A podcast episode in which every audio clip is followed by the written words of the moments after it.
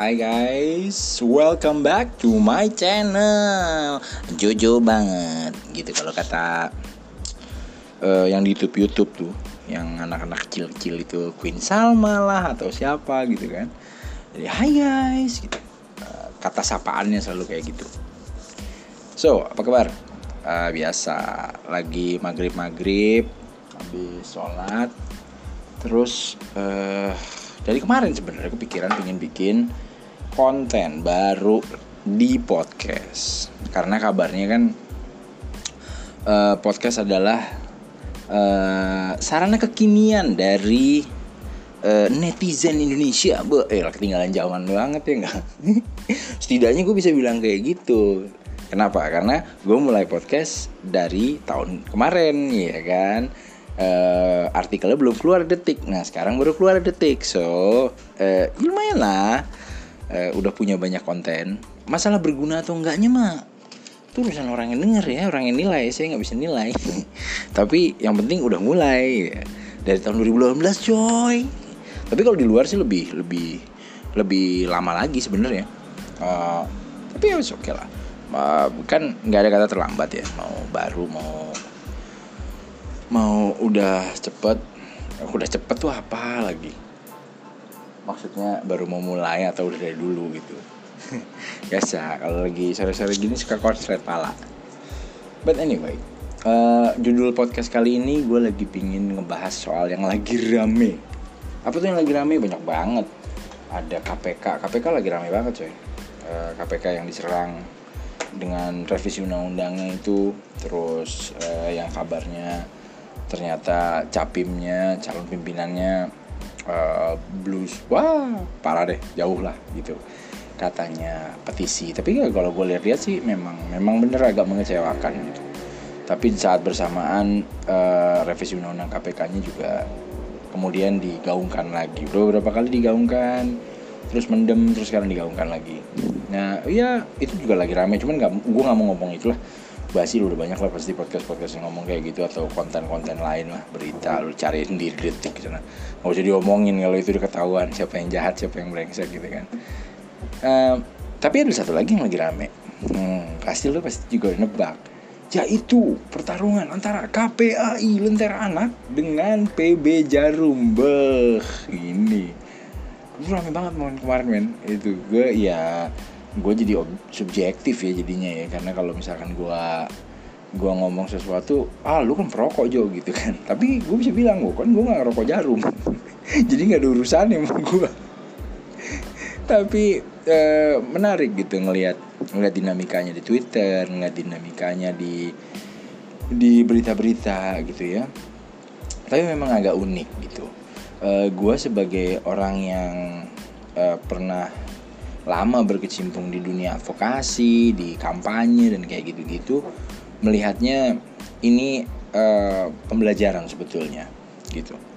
Pertama, kalau kita ngelihat uh, ini apa antara seru-seruan antara KPAI dengan dengan PB Jarum ini, ini kan sebenarnya eh, model-model kampanye yang memang udah ya dari dulu emang kampanye begitu. Naming and shaming namanya apa? Uh, menunjukkan kejelekan dari lawan. Menunjukkan kelemahan dari lawan sehingga lawannya merasa terserang terus lawannya menggunakan strategi yang lain untuk membalikan itu. Ya terus ya gitu. Uh, ya kita belajar dari banyak hal. Uh, apalagi itu NGO ya sama. Gue juga hidup gue hidup sampai detik ini masih di NGO cuman gue memilih untuk tidak menjadi orang NGO yang baperan gitu. E, karena yang ngasih makan gue bukan NGO men. Yang ngasih makan gue bukan donor yang ngasih makan gue bukan klien gue yang ngasih makan gue ya Allah Subhanahu Wa Taala ya kan? Bukan mereka gitu ya. Mereka cuma sarana aja. Kalau nggak dari mereka ya nanti gue cari lagi yang lain. Kalaupun nggak jadi NGO ya jadi apa kayak tukang sapu kayak uh, jualan jus kayak atau apalah gitu kan. Tapi uh, eh, gue tidak mencoba untuk defense. Dan gue selalu berotokritik gitu. Karena buat gue gerakan NGO gitu-gitu melulu. Kampanye nyerang kampanye nyerang habis itu tutup. Kampanye nyerang habis itu tutup. Itu yang diserang tutup gitu. Tokonya tutup lah kurang lebih. Ya kan sama kan nggak PAI lentera anak kan. Nyerang PB Jarum terus PB Jarumnya berhenti tutup gitu ya. Ibu Jarumnya nggak tutup. Cuman yang diserang aja yang tutup gitu. Nah itu terjadi di banyak sektor bukan cuma urusan bulu tangkis. Nah sialnya lentera anak sama KPAI kalau menurut gue sialnya karena kalah kalah banget sih. Yang yang menang siapa? Yang menang Jarum gitu. Kalau dari konstelasinya yang menang siapa? Yang menang Jarum. Nanti gue jelasin kenapa yang menang Jarum. Tapi balik lagi kalau gue ngeliat dari gayanya KPAI ini uh, dia sialnya kenapa gue bilang sial? Karena udah kalah dulu dua kali deh uh, sialnya adalah yang diserang itu uh, memenangkan hati rakyat gitu. Apa ya? bulu tangkis. Bulu tangkis ya kan? Satu-satunya kebanggaan Indonesia. Kalau udah Asian Games apa Olimpiade atau piala apalah ini. Lu paling rame. Eh diserang pula. Ya udah kelar. Udah hidup lu. Ini strategi menurut gue dia kurang cermat untuk melihatnya. Ya kalau biasa NGO itu nyerang apalah ya? Nyerang nyerangnya tuh pencemaran gitu perusakan. Oke fine lah. Perusakan terumbu karang tuh perusakan pesisir pantai lubang tambang apa ya nggak apa-apa. Itu itu nggak nggak terlalu artinya dia adalah satu satu ranah yang yang udah jelas gitu. Itu merugikan masyarakat uh, udah jelas menimbulkan banyak banget korban jiwa dan yang kena bukan cuma satu orang doang itu banyak orang. Nah tapi kalau urusan jarum ini dia kurang cermat. KPAI melentera anak kurang cermat. Makanya dia kemudian menimbulkan polemik. Dan uh, ujungnya KPAI dan lentera anak menjadi enemy of the public. Ah udah lu percuma lu jadi udah advokasi kampanye berhasil. Eh, menurut dia berhasil gitu ya. Kalau dari sisi proyeknya mungkin berhasil. Tapi dari sisi organisasi men dia jadi musuhnya masyarakat. Udahlah. Kelar itunya. Dan percuma lu nggak akan eksis juga di masyarakat malah uh, Jarum mendapatkan spotlight gede-gedean gitu. Salahnya adalah dia tidak memperhitungkan efek dari serangannya terhadap bulu tangkis. Dia nggak ngeliat bulu tangkisnya, yang dilihat kan eksploitasi anak. Dia nggak ngeliat bulu tangkisnya. Nah ini kebiasaan NGO kalau udah mau nyerang ulang terus. Dan ini terjadi banyak sama dulu gue pernah mengkritik Walhi. bukan cuma di podcast doang sama orangnya ketemu gue juga kritik dan dia juga aja emang disadari gitu maksudnya gini Walhi ketika misalnya e, menggugat ke pengadilan oke okay, dia gugat ke pengadilan lagi berproses di pengadilan tiba-tiba masyarakat yang didampingin ngebakar truk. Waduh kelar tuh urusannya kelar tuh urusannya. Kenapa? Karena pengadilan jadi punya alasan untuk mengatakan bahwa lihat tuh yang Walhi bawa itu telah melakukan perusakan hakimnya personally karena ini gue juga pernah ngobrol sama hakimnya dan ini keluhan dari hakimnya. Hakimnya personally ngomong mas saya tahu ini pencemaran. Yang Walhi perjuangkan benar. Tapi kalau yang Walhi dampingi ngebakar truk saya juga nggak bisa bilang bahwa itu benar.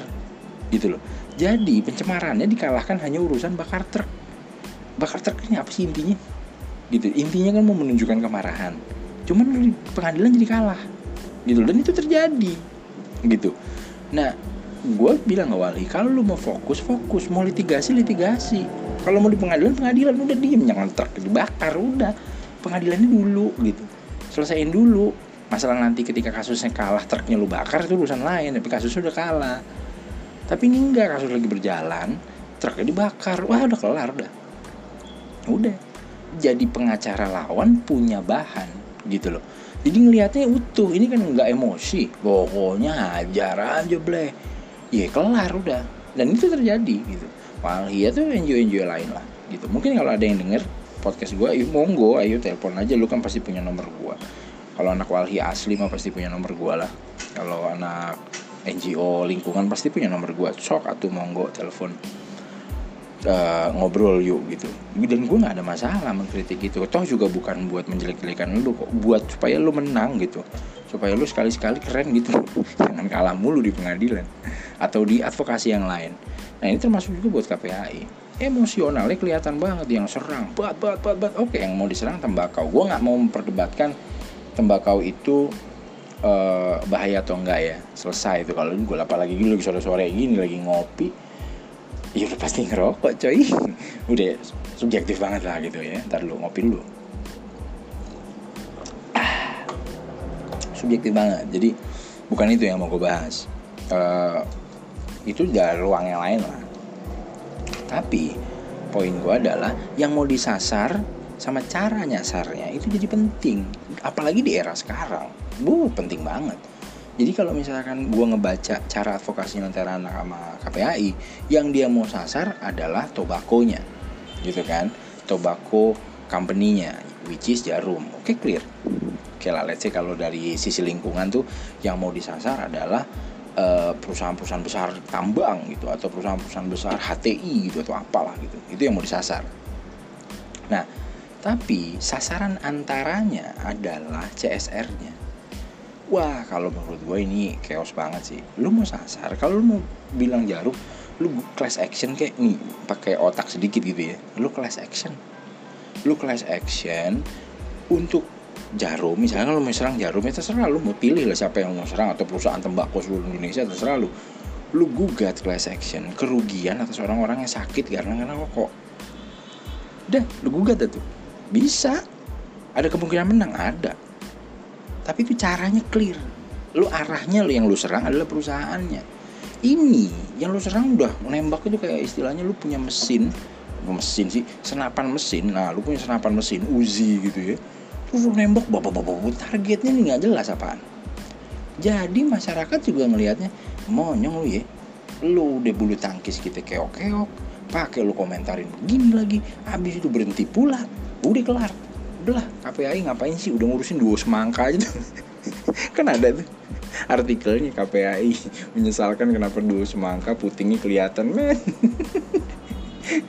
Segala puting lu urusin terus ngurusin anak lagi. Aduh ya ampun jadi maksud gue kalau lo menyerang lo kelihatan dulu apa yang mau lo serang. Jangan lo sembarang nyerang aja. Karena apa? Karena begitu lo sembarang nyerang kayak sekarang nih targetnya lo nggak ketahuan tapi kan udah terlanjur nih udah terjadi. Yang terjadi apa coba? Kalah. Double telak lagi kalahnya mungkin kalau lo nganggapnya kalau lo orang KPAI lo orang kontera anak lo pasti akan nganggapnya weh menang Jo gitu. Dan pasti ini ini catatan nih sebelum lo nyela gue tapi kan KPAI bukan NGO juga. KPAI kan komisi. Iya terserah lu lah lu mau ngomong apa. Ya modelnya begitulah. Lu sebut aja lu kayak kalau misalkan lu masih mencari definisi wah komisi ini bagian dari negara pret udah lu ntar belajar dulu. Tapi intinya adalah NGO gerakan sosial. Dah gitu. Uh, lu nggak sepakat sama gue terserah lu. Udah hidup hidup lu. Ini podcast podcast gue lu bikinnya podcast sendiri soalnya. Nah tadi gue sampai mana gitu sampai lupa itu nah KPI sama Lentera Anak kalahnya double. Double banget. Kenapa? Coba ya lu bayangin. Sekarang satu. Dia nyerang gitu. Dia nyerang PB Jarum yang mengeksploitasi anak dalam audisinya. Udah ada jelas-jelas tuh beasiswanya uh, pilih kasih terus menurun apalah segala macam terus dijelasin ya kalau gitu-gitu. Udah yang dia yang diserang udah mulai dua nih antara Jarum sebagai perusahaan tembakau kemudian uh, upaya dia untuk CSR-nya, kemudian PB Jarumnya tuh pelatihan bulu tangkis ya PB singkatan. ya apalah PB Jarum itu yang yang ngelatih-ngelatih bulu tangkis itu. Serangan. Udah dulu mulai ngasal nih nembaknya nih, nggak jelas nih mau nembak yang mana nih, nggak fokus advokasinya. Udah. Kalau misalnya gue jadi jarumnya, gue akan mikir, mau nyete gue diserangnya. Sejujur-jujur lu tanyain setiap korporasi. Kalau ditanyain, Pak, Bu, lu sebenarnya uh, redo gak sih kalau duit lu duit keuntungan lu dipakai buat CSR lu jujur jawabnya ya pasti nggak redo lah. Jangan kan CSR orang suruh jakat ya kudu dipaksa lu apalagi CSR CSR mah itu kan sebenarnya expense yang kalau bisa gue simpen lebih baik. Namanya kapital ya pasti mikirnya gitu lah nggak ada yang wah saya bahagia dengan CSR loh kalau bisa CSR lebih banyak lagi gak ada kayak begitulah. Orang gila aja kali. Ini nggak mungkin kayak gitu kalau lu bilang oh mungkin Jo ada Jo ada ini beda alah pret itu malu cuma emang pingin berlawanan aja sama gua. Coba aja gini lu dagang ya lu dagang. Lu dagang apa kalau dagang buah kalau dagang apa? Coba lu dagang buah gitu ya. Dah lu beli buahnya seribu lu jual dua ribu. Dah terus lu dipalakin sama preman. Lu kudu ngasih gua duit 500 jadi lu yang lu bawa pulang cuma 500 yang anggap aja CSR palakan preman. Kan dipaksa karena negara untuk bertanggung jawab terhadap sosial gitu. Ya intinya paksaan masalah buat masyarakat. Ah, itu kan urusan lain. Ya premannya bisa aja bilang Iya, lu bayar 500 bukan buat gua, untuk masyarakat ya, untuk keamanan masyarakat. Lah, berat lah. Tetap aja lu bayar. Tetap aja keuntungan yang tadinya lu seribu bisa lu bawa lu kantongin lu bawa pulang harus berkurang. Karena lu harus bayar tuh jatah. Sekarang lu gue tanyain kalau lu jual buah kayak gitu, lu beli buah seribu, lu bisa jual dua ribu, artinya lu punya untung seribu, udah ya kan? Tapi lu dipalak sama preman, gope tiap harinya, setiap lu jual buah gope dah tuh, tiap buahnya gope, dah dipotong terus ya kan? Sekarang ada pilihan. Lu mau nggak? Lu redo nggak? Yang 500 tadi. Coba lu jawab. Lu aja coba jajal. Kalau lu jawab uh, redo. Pret lu belum pernah dagang coba lu dagang. Kalau lu enggak enggak ntar gue doain lu satu hari lu belajar dagang. Lu belajar dagang dah nggak usah banyak banyak dagang apa kayak bakso kayak apa lu belajar dagang dah. Kalau lu suruh milih ada pungli sama nggak ada pungli ada pungutan sama nggak ada pungutan mau resmi ataupun enggak pasti lu milihnya nggak ada pungutan lah. Ya orang mana ada yang mau rugi sih? Orang maunya untung. Nah CSR dari sisi untung rugi ini sih expense gitu ya mungkin nggak rugi tapi expense gitu pengeluaran kalau misalnya gue kantongin semua oke. okay? moga-moga lu paham nggak paham ya lu minum kopi dulu lah biar paham. Nah kalau begitu misalkan gue jadi jarum balik lagi kita di misalkan gue jadi jarum gue ngeliat wah gue diserang ya sama KPI ini. Tapi untung juga kalau gue diserang kan gitu kenapa untung? Ya artinya kita CSR nya untuk PB Jarum ini gede banget bro. Gitu kan dia ngomong gitu sama iya kalau diserang gini udah gini aja. Kita tutup PB Jarumnya CS duit CSR kita alihin. Alihin ke mana? Ya kegiatan yang lain aja yang lebih low profile. Cuman lebih efisien. Duitnya nggak sebanyak yang kita keluarin di PB Jarum. Nah ya kan? Deh menang deh bisa hemat duit. PB Jarumnya ditutup. Alasannya gampang. KPAI nggak boleh kata KPAI nggak boleh nanti menimbulkan polemik jadi mendingan gue tutup. Walaupun sebenarnya kalau ditanyain udah pingin lama dia nutup tuh PP Jarum. Menang kagak dapat apa kagak biar cukai eh biar cukai cukai rokok naikin dulu. Wah lu pasti aduh kalau bisa gue tutup gue begitu ada KPAI momentum buat dia ah gue tutup aja dah. Tutup. Ya kan? Selesai. Menang. Menang mana? Jarum yang untungnya di jarum. Artinya duit dia bisa berhemat banyak thanks to KPAI tuh lentera anak. Hmm cakep. Lentera anak dapat apa? Ya dapat cercaan aja. Dapat cercaan dari orang-orang. Lu ngapain lagi lu kayak gini diurusin gini? Iya begitu. Kalah. Udah. Jalurnya menang. Oke. Terus sekarang mau ke mana bentar anak? Mau serius mau ngurusin tobacco? Serius mau ngebahas soal tembakau gue pingin nunggu langkahnya apa? Gue pingin nunggu langkahnya apa? Berani nggak dia bikin gugatan? Sebenarnya bisa gue bikin gugatan kalau dia mau. Gitu loh. Dia bikin gugatan terhadap uh, produsen rokok. Memproduksi racun misalnya kayak gitu. Kalau anggapan dia memproduksi racun ya monggo. Jadi perdebatannya seru gitu. Tapi mau nggak dia lanjut ke sana? Gue yakin mereka nggak akan lanjut ke sana. Yakin kok yakin oh, uh, udah yakin banget lah. Paling begini-begini doang jangan ke mana-mana.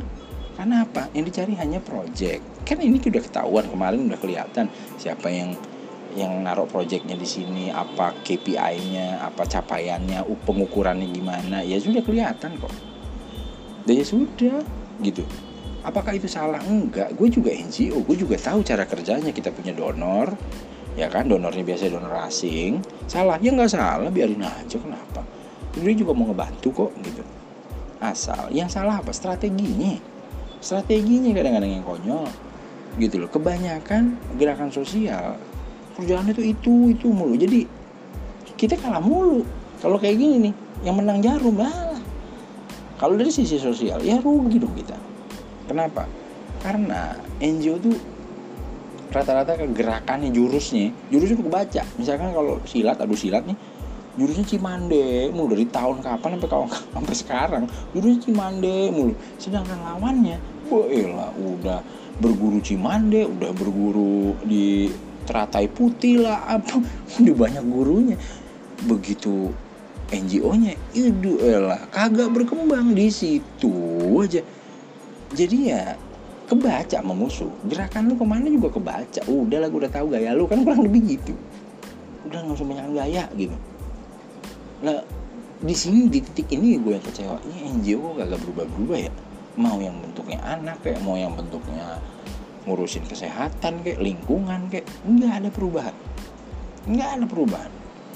Ramenya rame di media tapi ujungnya kalah gitu. Ujungnya kalah.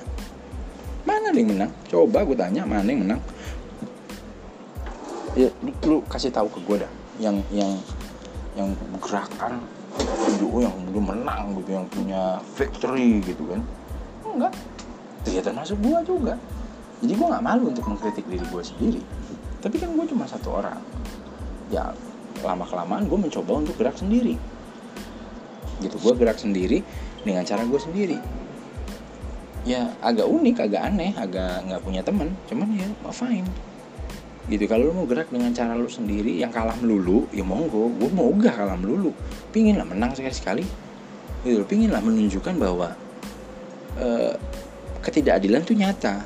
Dan cara memunculkan keadilan tuh juga nyata. Ada caranya gitu.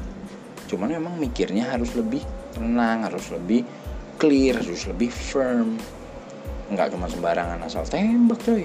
Yang rugi di lu juga gitu. So kalau yang lagi nyimak perseteruan antara PB Jarum sama KPAI dan segala macem ya moga-moga lu punya perspektif baru. Ini cara gue pandang yang baru dari orang yang punya latar belakang juga NGO so ya yeah, who knows? Lu paling nggak bisa melihatnya secara lebih utuh. Oke okay, itu udah aja Nisa. So see you later alligator uh, jojo banget